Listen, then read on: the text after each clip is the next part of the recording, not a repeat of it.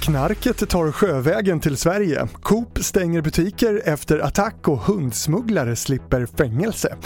Det här är TV4-nyheterna som börjar i vården. För nu läggs extra pengar på att korta de vårdköer som byggts upp under pandemin.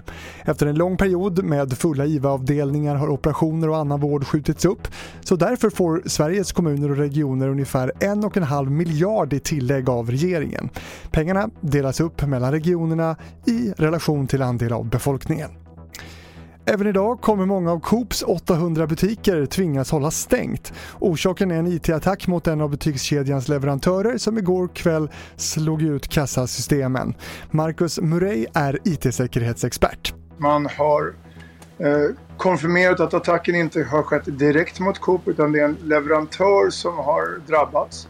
Men man har konfirmerat att det är en IT-attack som har skett. Och mer om IT-attacken mot Coop i Sverige hittar du på tv4.se.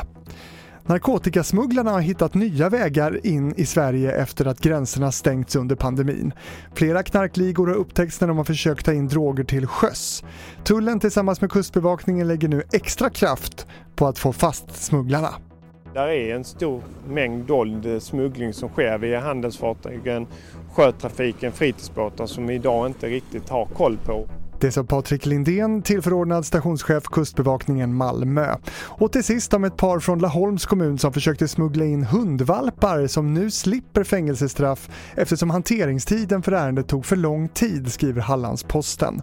Brottet som egentligen ska ge sex månaders fängelse tog nästan sex år att hantera och inträffade 2016 när paret åkte fast i svenska tullen i Helsingborg med åtta valpar av rasen fransk bulldog.